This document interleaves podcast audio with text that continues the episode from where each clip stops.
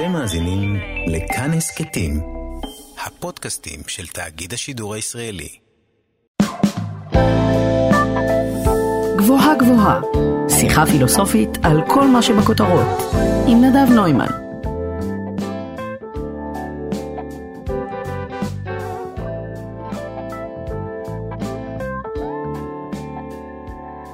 שחררו את האסי. סוגיית הנחל שעובר בתוך קיבוץ ניר דוד מוציאה הרבה אמוציות מהישראלים לאחרונה. מצד אחד הקיבוצניקים טוענים שפתיחת הנחל לכל תושבי ישראל תהרוס את מרקם החיים שלהם. מצד שני, המוחים טוענים, הנחל הזה הוא נחלת הכלל. לכולנו מותר להיכנס ולשכשך במימיו הצוננים.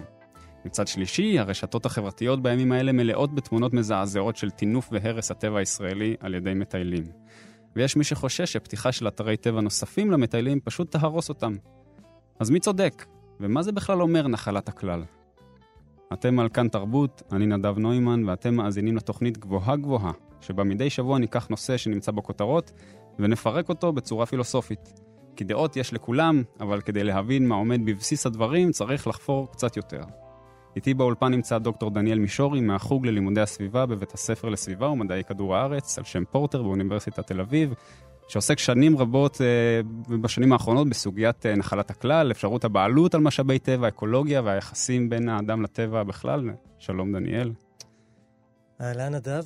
אז אה, על זה אני הייתי רוצה שנדבר היום, כי כולם זורקים את המושג הזה, נחלת הכלל. אבל אולי כדאי להסביר ולהתחיל מה זה בעצם אומר בכלל, הדבר הזה. קודם כל, זה כבר מוזיקה לאוזניי לשמוע שכולם מדברים כיום על נחלת הכלל, מכיוון שכשהתחלתי לעסוק לראשונה במושג הזה, זה היה בתחילת העשור הקודם, אז אף אחד לא דיבר עליו, אפילו התלבטתי איך ראוי בכלל להסביר אותו לאנשים, מכיוון שבאנגלית זה יותר ברור. באנגלית זה מושג שנקרא The Commons, כן. וזה מילה יחידאית, מכיוון שאפשר להגיד גם A commons, mm-hmm. עם S בסוף של רבים, mm-hmm. כלומר, התחלה של יחיד וסיום של רבים, משהו שמדבר על הדברים המשותפים. בעברית, נחלת הכלל זה בעיקר בהקשר של דבר מה שידוע לכולם. Mm-hmm. אז אין לנו את ההקשרים uh, שבאנגלית הם מאוד מובנים מאליהם. בעברית יש מושגים אחרים, כמו רשות הרבים. כן. וזה יותר בהקשר של, נדבר היום על שטחים משותפים בעיר, למשל, אה, מאשר טבע, וזה על סמך פשוט הדיונים התלמודיים שעוסקים ברשות הרבים. זאת אומרת, אלה מגוון התכנים. אז, אז נחלת הכלל, כשאנשים אומרים, זה נחלת הכלל, או. למה הם מתכוונים ולמה הם אולי לא יודעים שהם מתכוונים. יפה. אז פה צריך פשוט ללכת מספיק זמן אחורה, ולהבין שאנחנו מדברים על רצף בין הדברים ששייכים לכולם לבין הדברים הפרטיים. Mm-hmm. למה הצגתי את זה כך ברצף הזה? מכיוון שאם נלך מספיק זמן אחורה, נניח לפני המהפכה החקלאית, אז אפשר להגיד שהכל היה שייך לכולם. כל מה שנמצא העולם מסביב. היה שייך לכל מי ששוכן בו. Uh-huh.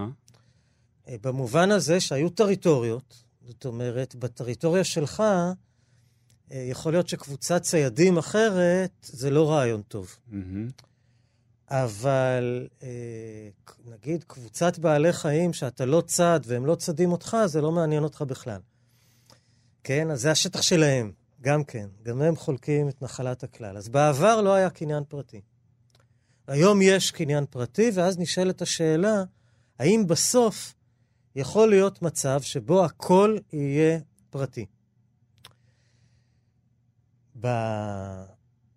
בתקופה הרומאית חשבו על הדברים האלה ואמרו, יש סוגים שונים של... אה, בעלות. יש סוגים שונים של בעלות, יש את הקניין הפרטי. כן. ויש סוגים נוספים של בעלות שהיא בעלות משותפת, ויש גם דברים שלא שייכים לאף אחד. הדברים שלא שייכים לאף אחד יכולים לסוף להפוך לפרטיים, נגיד אדמה שעוד אף אחד לא איבד, ואתה מתחיל לאבד אותה, הנה היא שלך. אבל היו דברים שהם חשבו שבעיקרון אי אפשר לנכס אותם. לדוגמה, המים, כן? יש כל כך הרבה מים בעולם, האוויר, הים. וכל הדברים האלה כיום, אתה רואה שעם מספיק טכנולוגיה ומספיק כוח כלכלי, אפשר לנכס גם אותם. גם עליהם אפשר להשתלט. בדיוק. ולכן השאלה שלנו היא שאלה עצומה. איפה שמים את הגבול בין שלנו ככל בני האדם ושלנו כתושבי מדינת ישראל, ואולי גם שלנו ברמות יותר מצומצמות, כמו שלנו, דיירי הבית המשותף, uh-huh. לבין זכותם של כל האחרים. ופה תמיד יהיה, יהיו דילמות, אבל צריך לשים לב שבפרספקטיבה של שנים אנחנו מפסידים. מה זאת אומרת? תראה, קח את uh, תושבי מדינת ישראל לפני 20 שנה והיום. Mm-hmm. לפני 20 שנה היה פוטנציאל של גז, שממנו תושבי מדינת ישראל יכלו להרוויח. 20 שנה אחר כך, תושבי מדינת ישראל משלמים מחיר של פי 2, פי 3 העלות של הגז בשוק החופשי. הרווחים הולכים לאמריקה. אתה יודע, שברון עכשיו היא ה... uh-huh, השתלטה okay. על המאגרים. זאת אומרת, תוש... כן, הגז שנמצא במים הכלכליים של מדינת ישראל לא שייך לתושבי מדינת ישראל, לא מבחינת התפעול השוטף ולא מבחינת הרווחים. רגע, אבל כשאתה אומר המים הכלכליים של מדינת ישראל, כאילו אנחנו או. כבר פה נכנסים... בדיוק. הרי אתה, לפני רגע אמרנו, רגע, המים בכללם זה נחלת הכלל, כי לא יכול להיות שמים שייכים למישהו. בדיוק. איך בכלל אנחנו מגיעים למצב שיש מים של... בדיוק. זאת אומרת שהדינמיקה של, ה, אה, של הבעלות היא נוטה להקצין. זאת אומרת שמרגע שסימנו שלי ושלך במים, ה... במי הים התיכון, במובן הזה זה שלנו לעומת של הלבנונים, כן. או לעומת של המצרים או כן. הקפריסאים, כן. עכשיו נשאלת השאלה, אוקיי, ובמים, מי שולט בדברים שבמים הכלכליים של מדינת ישראל? ומי שולט בחברות שמפיקות את הגז במים הכלכליים של מדינת ישראל, וכך הלאה. ומה שמפחיד, שאתה רואה שהעולם כיום, העולם באופן כללי, לא משנה על איזה זירה אתה מדבר, איזה זירה כלכלית או חברתית, אתה רואה שהוא הולך לכיוון של ריכוז הולך וגדל, של כוחות כלכליים הולכים וגדלים, בתהליך שכבר לדעתי אין אלא לתאר אותו כנאו-פאודליזציה. כלומר, שרוב תושבי העולם כן. הופכים להיות אה, סוג של וסלים, עוד לא צמיתים, של כוחות גדולים מהם בהרבה, שאתה יודע שאם הדברים לא ישתנו בעתיד הקרוב, הכוחות האלה עומדים להיות יותר ויותר חזקים עם השנים. רגע, ואם אני רוצה, אם נחזור לנושא שממנו התחלנו, של נחלת הכלל. כש, גם כשאני הייתי ילד אפילו, אני זוכר, וזה לא היה לפני כל כך הרבה שנים, היו הרבה יותר שטחים פתוחים ולא מנוצלים, כלומר, לא מנוצלים כלכלית, או לא מנוצלים על ידי גוף כלשהו, וזה היה נראה מאוד טבעי, שזה שטחים של אף אחד. אפילו חצרות של בניינים, אה, שטחים פתוחים. והשאלה האם היום, כשיש יותר ויותר אנשים על פני כדור הארץ, השטחים האלה שאנחנו מכנים נחלת הכלל, הם לא נידונו לכישלון. זאת אומרת, הרי יש מאמר מאוד מפורסם אה, שהוא מכונן בחשיבה הזאת על נחלת הכלל, נכון, אה, של, של גרד הרדין, הטרגדיה של נחלת הכלל, שהוא מדבר בדיוק על זה. הרי ככל שיש יותר, אוכלוסייה גדלה וגדלה, מה, מה, איך הדבר הזה שנקרא נחלת הכלל בכלל יכול לשרוד? הוא, הוא מדבר על זה שיש למשל, נכון, אחו שבו רועים לוקחים את, ה, את הפרות שלהם, וכשיש יותר ויותר רועים, והם כולם רוצים לנצל את, ה, את הדשא לפרות שלהם, בסוף לא יישאר דשא. אז לשם אנחנו הולכים בעצם, זה לא משנה מה נעשה בכלל. הרדין דיבר על ה...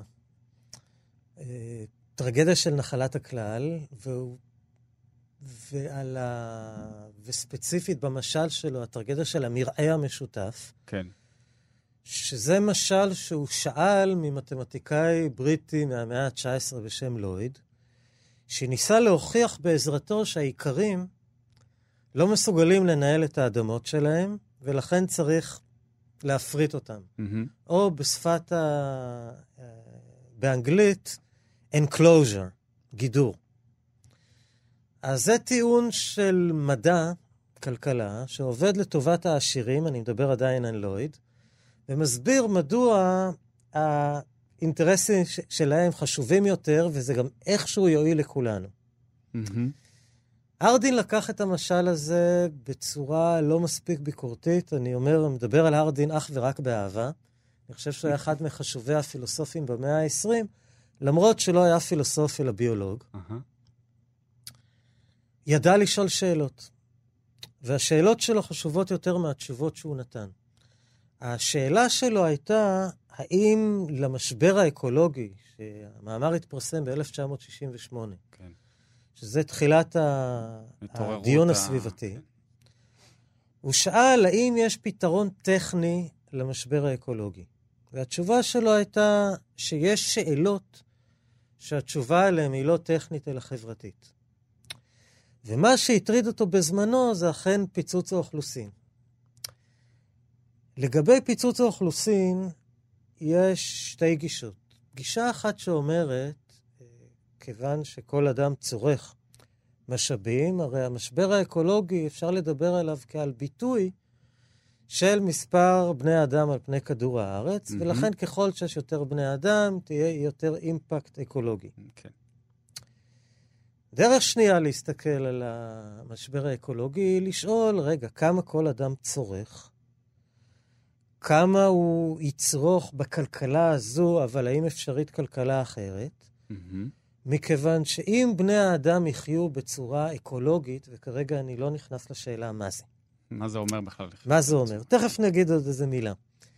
אבל, והיה ובני האדם חיים בצורה שמשתלבת בסביבה, אז עדיין יש שאלה פתוחה, כמה מקום יש לבני אדם על פני כדור הארץ, ופה יש כאלה שמביאים משל מן הטרמיטים. מסתבר שבמשקל כולל, כן. על פני כדור הארץ, יש עדיין יותר טרמיטים מאשר בני אדם. למרות שאתה יודע שכל טרמיט הוא קטן. אה, כן. טרמיטים זה הנמלים האלה שמקימים כן. את הטילים הענקיים האלה וגם מכרסמים בעץ. אז השאלה, אם יכולנו לחיות, אפשר להגיד, כמו טרמיטים, כן. מי יודע, אולי גם אפשר להכפיל את מספר בני האדם ועדיין יש מספיק מקום לכולם. לא יודע. Mm-hmm. אבל אתה מסתכל על, ה, על העולם, ואתה יודע שנגיד הודי ממוצע צורך חמישית מהאמריקאי ממוצע. ההודי הממוצע רוצה לצרוך כמו האמריקאי, mm-hmm. אבל הוא רוצה לצרוך כמו האמריקאי מכיוון שהוא רואה טלוויזיה ורואה קולנוע, וניזון מהאינטרנט, ומקבל מסרים כל הזמן מסוג מסוים. והמסרים האלה... אומרים לו, תצרוך. צריכה זה חשוב, אה, רכוש פרטי זה חשוב. בדיוק. ובאופן כללי, אם אתם רוצים לדעת אה, מהם הכוחות שמעצבים את העולם שלנו היום, צריך להקשיב למה שנאמר במדיה. ולראות את מי זה משרת. אז לדוגמה, אתה שומע היום על דור חמש הסלולרי ועל העיר החכמה, ועל, וזה כל הדברים האלה אמורים להיות מקיימים ולכן סביבתיים, כי הם יאפשרו לנו לחסוך במשאבים. וכל מיני דברים כאלה, ואתה יודע, אוקיי, אבל מי ירוויח מזה? חברות הייטק, אה, חברות, כן, טכנולוגיה, רשתות תקשורת, אתה כבר יודע שזה תחום שהוא מאוד ריכוזי, אז הוא ילך, יהיה ריכוזי. עכשיו, אתה יודע שהדברים האלה מאפשרים שליטה ריכוזית גם באוכלוסייה, גם הכוח של הטכנוקרטיה, ואולי יש עוד קבוצות שרוצות ליהנות מהכוח הריכוזי הזה. טכנוקרטיה זה שלטון המומחים, כן. ה... רגע, והטכנולוגיה, הטכנולוגיות האלה שעכשיו מתפתחות ואמורות גם להקל על החיים וגם ליצור אפשרות לחיים יותר סביבתיים, הן הרבה פעמים מש, משתמשות גם כן בנחלת הכלל. או. למשל, תדרים שעוברים באוויר, או... כלומר, גם הטכנולוגיות משתמשות באזורים בחיים שלנו שאמורים להיות משותפים לכולם, ואנחנו מסכימים להם בלי בכלל כלומר, אנחנו לא, בכלל לא חושבים על זה שהטכנולוגיות האלה גם כן, זה כמו אה, גידור של נחל בצורה מסוימת, ובלי לאפשר לנו בכלל לדעת שהוא מגודר. בדיוק. ופה, רגע, נגיד עוד איזה מילה על האסי, כי הזכרנו אותו, ופה היה לי חשוב להגיד משהו. אם לא הייתי במקום, אני משתדל לא לדבר עליו. Mm-hmm. צריך לראות בעיניים. הדילמה, כפי שהצגת אותה בהתחלה, היא מדויקת, מכיוון שבחודשים האחרונים אני כמעט כל בוקר וערב בים, mm-hmm. בחוף הים. וחוף הים בבוקר הוא... קודם כל, זאת הדרך לפתוח ולסגור את היום, צריך להגיד, זה ברור. חשוב מאוד, כן, לפחות אתה יודע, אתה יודע שאתה יכול להבטיח לעצמך כמה שאיפות, okay. וכמה נשיפות ושאיפות עם אוויר צלול. אכן, יש הרבה מזבלה, במיוחד בסופש. אז יש באמת בעיה של ניהול המשאבים המשותפים, וזה גם אחריות של כולנו, וכולנו, גם בתור ישראלים וגם בתור תושבים באזור מסוים, ופה לא, ולכן לא רציתי להתערב בדילמה. מה שריתק אותי, אין לי שום ספק שאם הייתי נתקל בדילמה הזאת לפני שנים ספורות, הייתי מיד בצד של uh, בית שענאים. Mm-hmm. בית שענאים, מכיוון שמבחינה עקרונית זה בדיוק הדברים שדיברתי עליהם. זה גידור קי... של, של גידור, משהו שהוא של כולם. בדיוק. עכשיו, אה, אתן לך דוגמאות לגידור שמפריעים לי כיום יותר, ואז השאלה... אה, ואז אפשר לפתוח את השאלות. למה לדברים מסוימים מתייחסים ולמה לדברים אחרים לא מתייחסים? כן, כי אם הזכרתי את חוף הים, הזעקות של המציל דרך... אה, עם הרמקול, כן. שאין, שהוא מנסה לחנך את הקהל mm-hmm. שוב ושוב, עם טקסטים זהים כמו היום היד מאוד, היה מאוד מסוכן, אני מבקש מכולכם לצאת מהמים. זה לא רק מבטל את השקט בהפסקות לא גדולות, בחוף הים, כלומר השקט הוא נחלת הכלל לפני שהמציל לוקח אותו עם הרעש. זה גם מייצר היררכיה בין מי שנשמע במרחב הציבורי לבין מי שלא. בתל אביב, אגב, זה יותר גרוע, בתל אביב זה כריזה בחמש שפות שונות. נכון. שרצה נונסטופ. כן. אה, מטעמי ניהול נחלת הכלל, עיריית תל אביב מעבירה בחוף הים בכל בוקר את מכונות הרעש, מכונות הטיטו.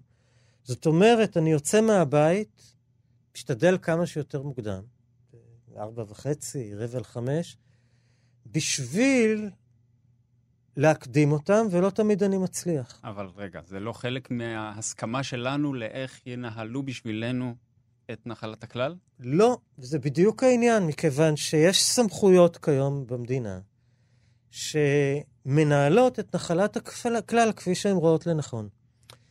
אז אם הזכרת את, ה... את הרשתות של אה, העיר החכמה והסלולרי, הן אכן עושות שימוש במרחב המשותף, אותו מרחב שהרומאים קראו לו בשם הכללי האוויר, mm-hmm. ואנחנו כיום מבינים שזה המרחב שכולל גם את האטמוספירה וגם את השדות של התדרים, ושכל התפתחות טכנולוגית מאפשרת לנו לגדר עוד חלק ממנו, והגידור הזה יכול להיות או באמצעות, או הפרטה במובן של, אה, אה, נגיד, מתן תדרים לחברה פרטית. כן. או באמצעות ניכוס של המדינה או של הרשות המקומית. והדברים האלה הם גם, אתה יודע, שימוש בתדרים ששייכים לכולנו, ונשאלת השאלה, איך מנהלים את המשאבים ששייכים לכולנו, והאם אנחנו נהנים מספיק... מפירות מה... הגידור האלה כדי לאפשר בדיוק. למדינה להשתלט עליהם. בדיוק. המדינה או כל, כל היבט כן. אחר. והשאלה השנייה היא, היא לי יותר ויותר מציקה, והיא, מה פירוש הדבר נחנת הכלל מבחינת האדם הבודד? ופה תרשה לי לפתח איזה סוג של פלאו-פילוסופיה. בבקשה. זאת אומרת, אני מתייחס לאדם בתור אותו דבר שהתפתח לאור, לאורך כך וכך דורות של אבולוציה, mm-hmm. אלפי דורות של אבולוציה, ועד לפני מאה ומשהו שנים לא הייתה לא תאורת רחוב ולא קרינה לא טבעית במרחב הציבורי. אז אפשר להניח שכאשר אנחנו מדברים על אדם במצבו הטבעי, אנחנו מדברים גם על אדם שנמצא בתנאים הטבעיים של אוויר נקי ובלי קרינה וחושך בלילה. ואז... כן, אם כי יש מי שיתווכח איתך לגבי בכלל הקביעה שיש דבר כזה אדם במצבו הטבעי. תכף, נת... תכף, תכף אה, נתייחס לסוגיה הזאת, ואוכיח לך שכן. כיום, זאת אומרת, אני תושב תל אביב הרבה שנים, והיה לי הרגל בערב לרדת uh, למטה לשדרה ולעשות טאי צ'י. Mm-hmm. כבר לא יכול. למה? שמו תאורת לד בשדרה, וזה מסנוור אותי. אז אני יכול לפגוש אותך ולשוחח איתך, כי אז אני עם הגב למנורה הקרובה, וזה לא עד כדי כך מציק לי, אבל ברגע שאני עושה טאי צ'י, והמשמעות היא שאני נע, וכל הזמן נכנס לי לשדה ראייה המנורה של הלד, תוך 30 שניות אני מתייאש ועולה הביתה. פחות או יותר. בשנתיים האחרונות גיליתי שאני רגיש לקרינה, בצורה קלה. המשמעות היא שיותר ויותר קשה לי במרחב הציבורי, mm-hmm. מכיוון שכיום הוא משמש גם לתעבורה של קרינה, שעל פי הערכות שונות, הערכות הממעיטות הן בין 3 ל-5 אחוז מהאוכלוסייה, והערכות המרחיבות הן בין 20 ל-30 אחוז מהאוכלוסייה, ויש כאלה שאומרים שבמובן מסוים כולם, כן? אז אם יש כמות כזאת של רגישים לקרינה, ברגע שאתה אומר, וואלה, יש לי רעיון טכנולוגי אדיר, של עוד מערכת של עיר חכמה, מכוניות אוטונומיות שנוסעות, כן. ב- כן, דור חמש סלולרי שבאלומות של קרינה מעביר לך המון מידע, ובתווך הולכים בני אדם שעלולים להיפגע, ולהיפגע שוב, ולהיפגע שוב, עד שהם כבר לא מסוגלים לצאת מהבית, ובמקרים הקיצוניים גם לעקור מהבית, ולעקור מבית לבית, עד ששום שמים איזה אנטנה באיזשהו מקום, והם צריכים להמשיך לנוע.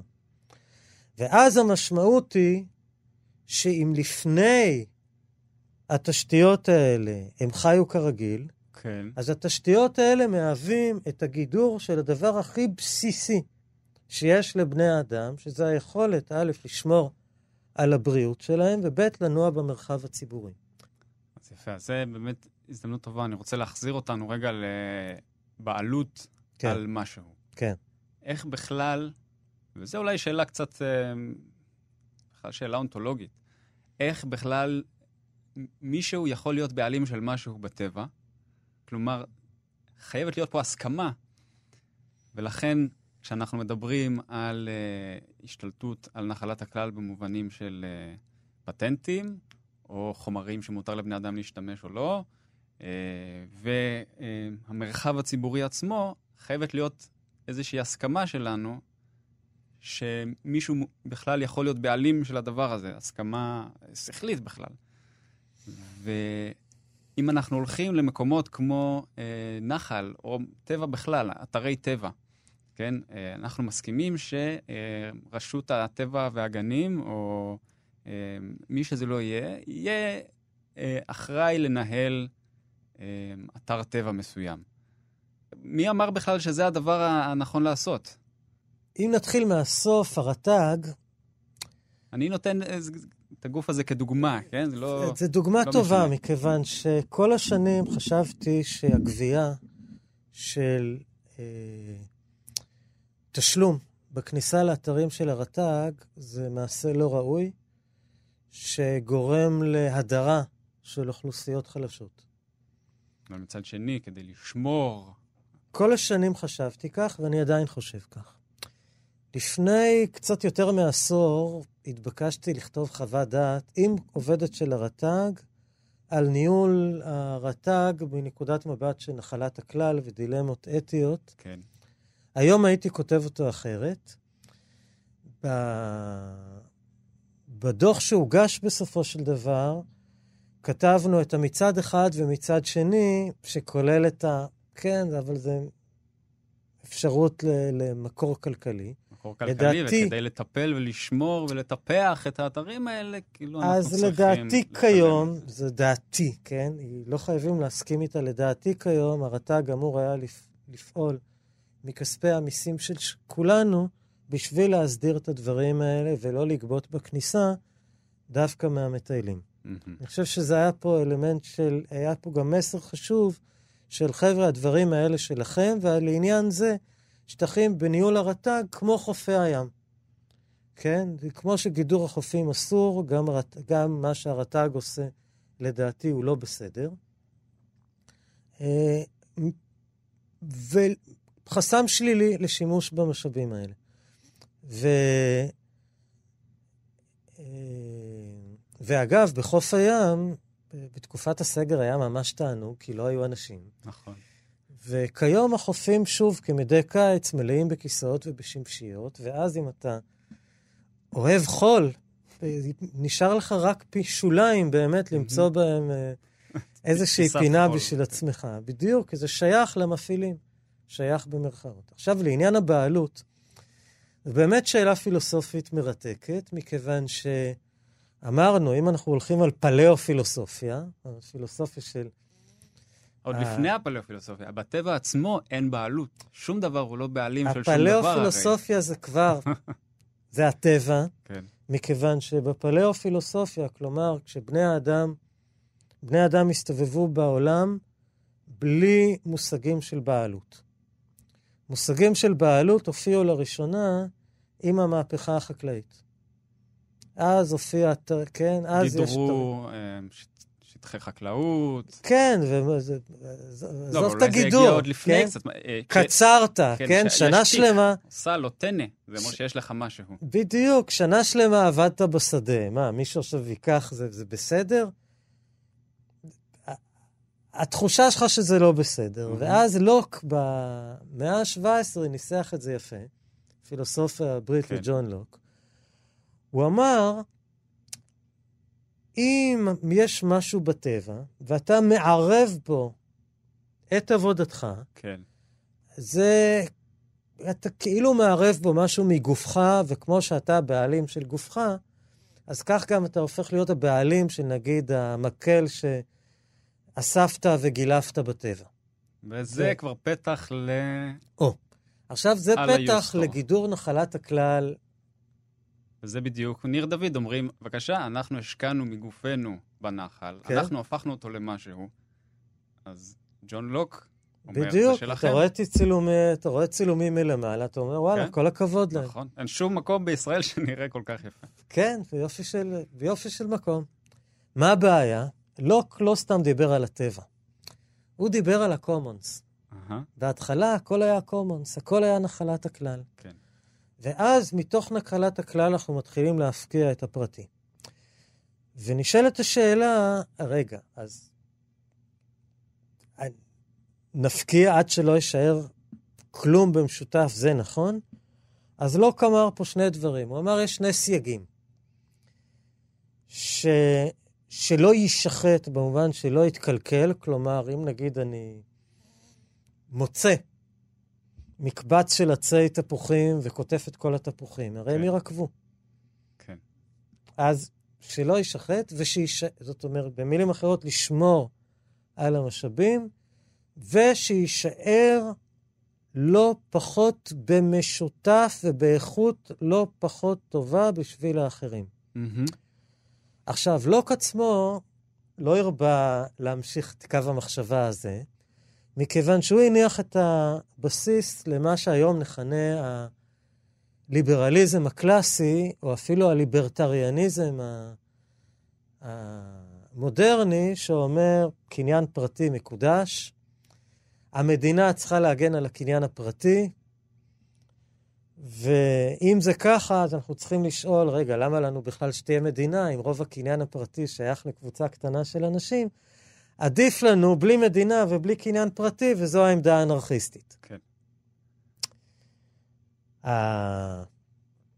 יש פרשנות אחרת שאומרת, בואו ניקח ברצינות את הסייגים של לוק ונייצר מדינה לא אנרכיסטית, אלא ליברלית, ששומרת על המשאבים המשותפים על פי העקרונות האלה ומתאימה אותם לעידן של היום, כולל העידן הטכנולוגי, על יתרונותיו ועל חסרונותיו.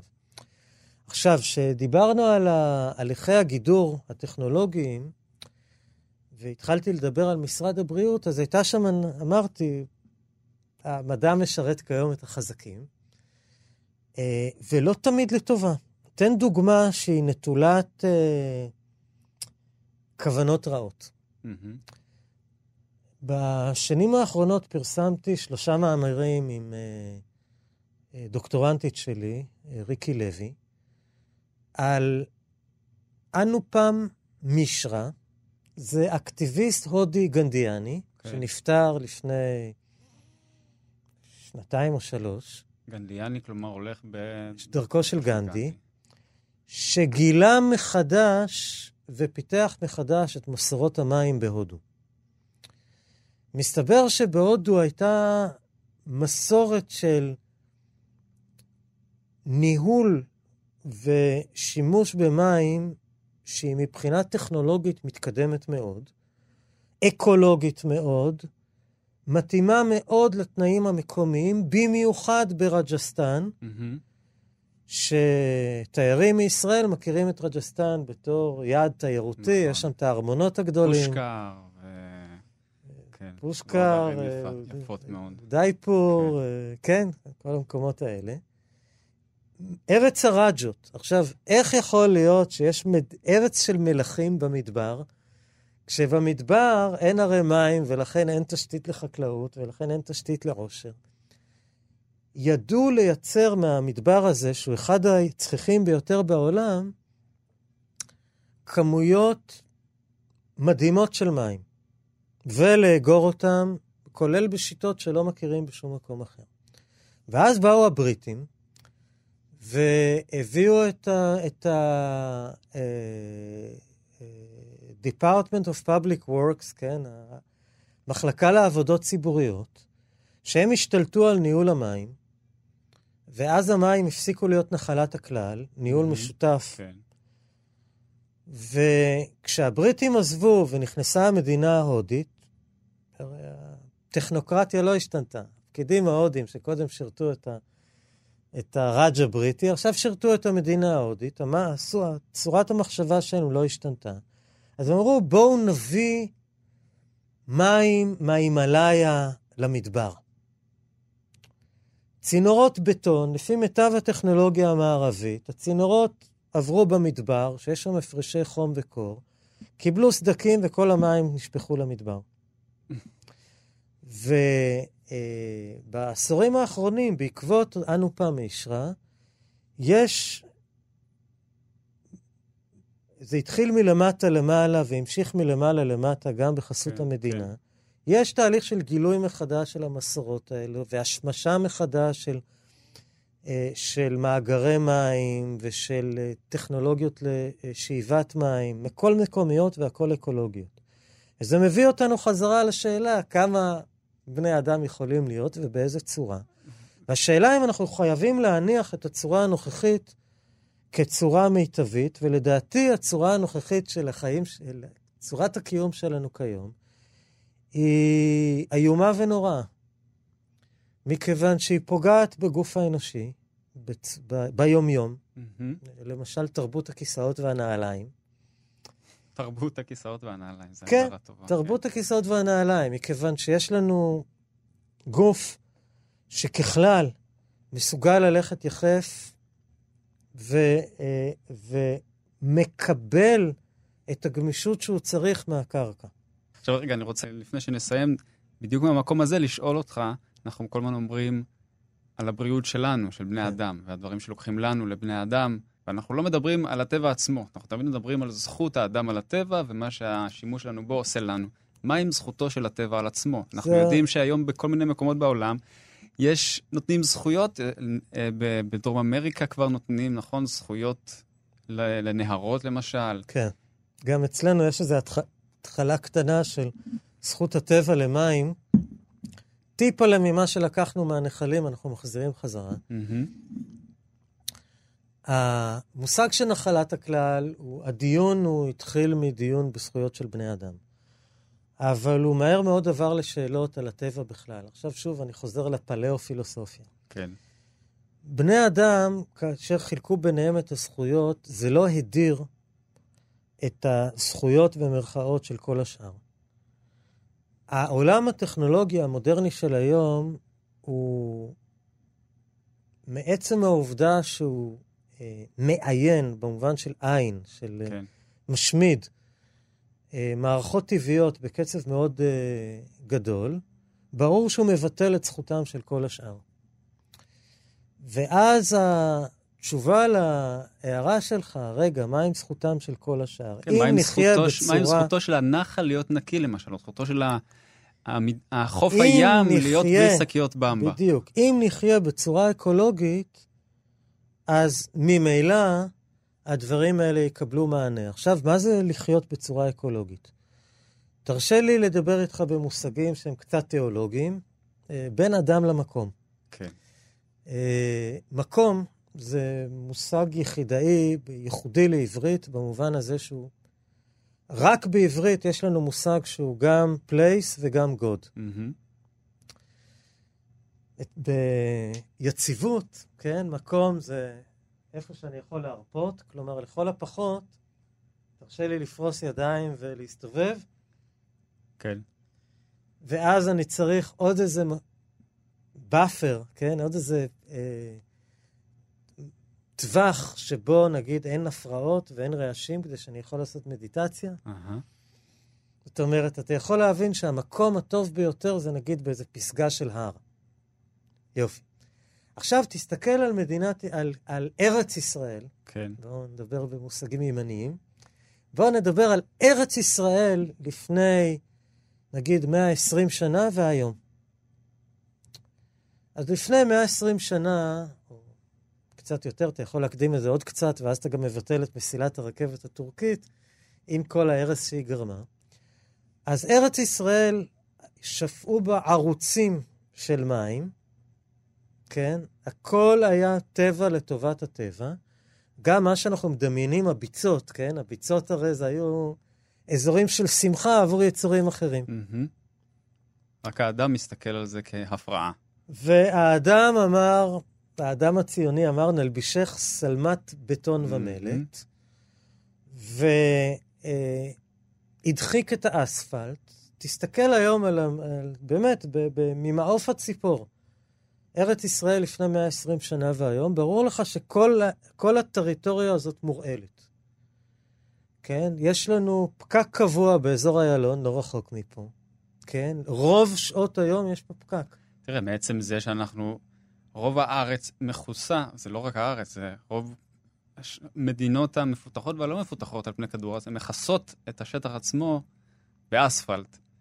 כלומר, אפילו הדבר הבסיסי הזה, שאנחנו כבר לא חושבים עליו, כי הוא נראה לנו כל כך אלמנטרי, יש בו משהו שהוא קצת מוזר. שזה לקחת מקום שיכול להיות אדמה פוריה, ולכן טבע משגשג, עם כל מה שזה אומר, לא רק מבחינת החמצן שאנחנו נושמים. כל דבר, כן? אנחנו יודעים שאנחנו מרגישים יותר טוב בטבע. יש הרבה מחקרים על זה.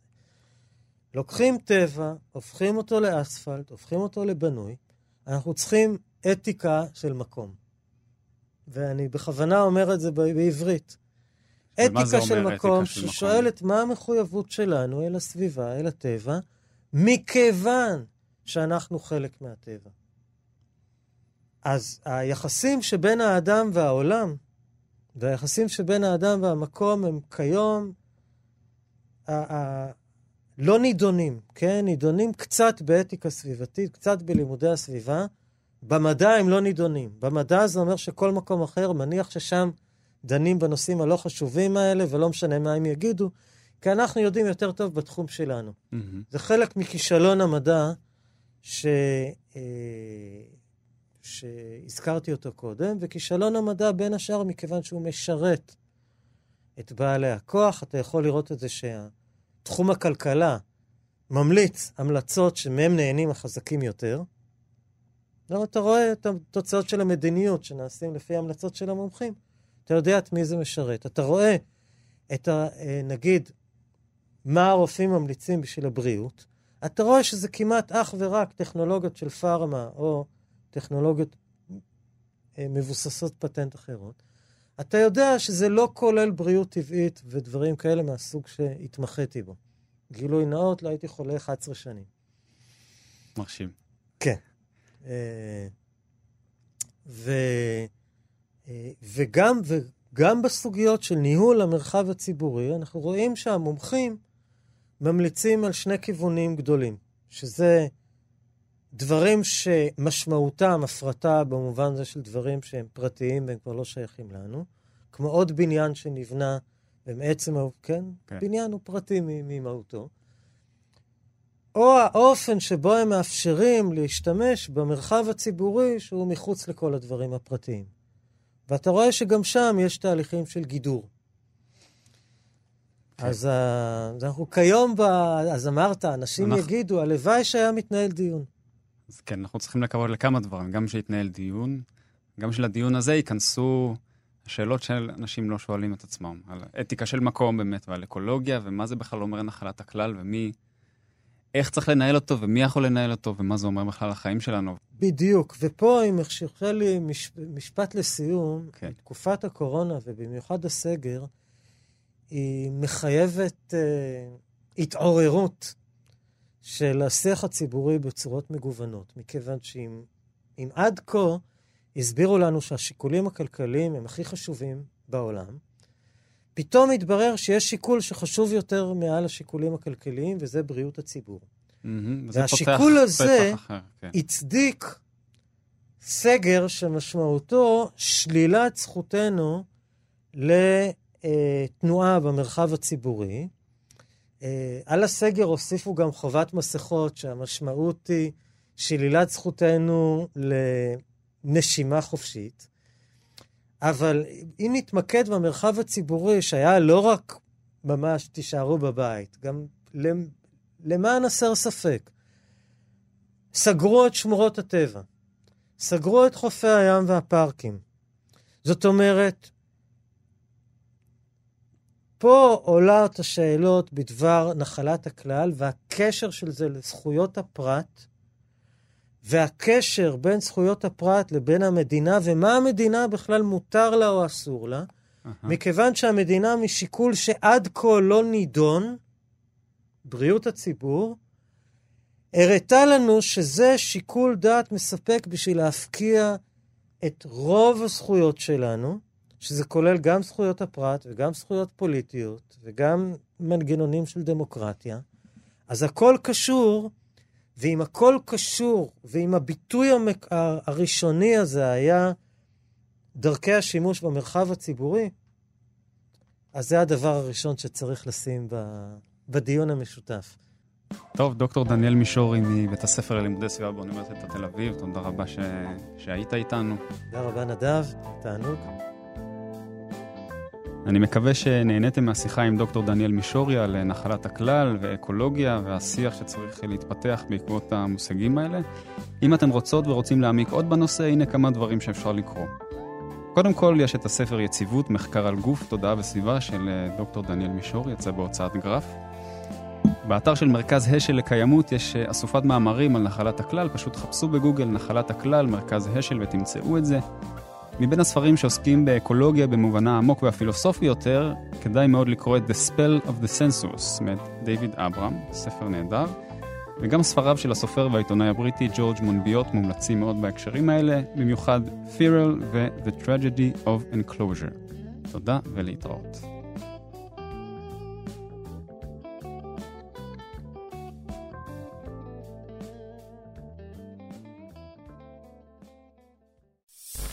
אתם מאזינים לכאן הסכתים, הפודקאסטים של תאגיד השידור הישראלי.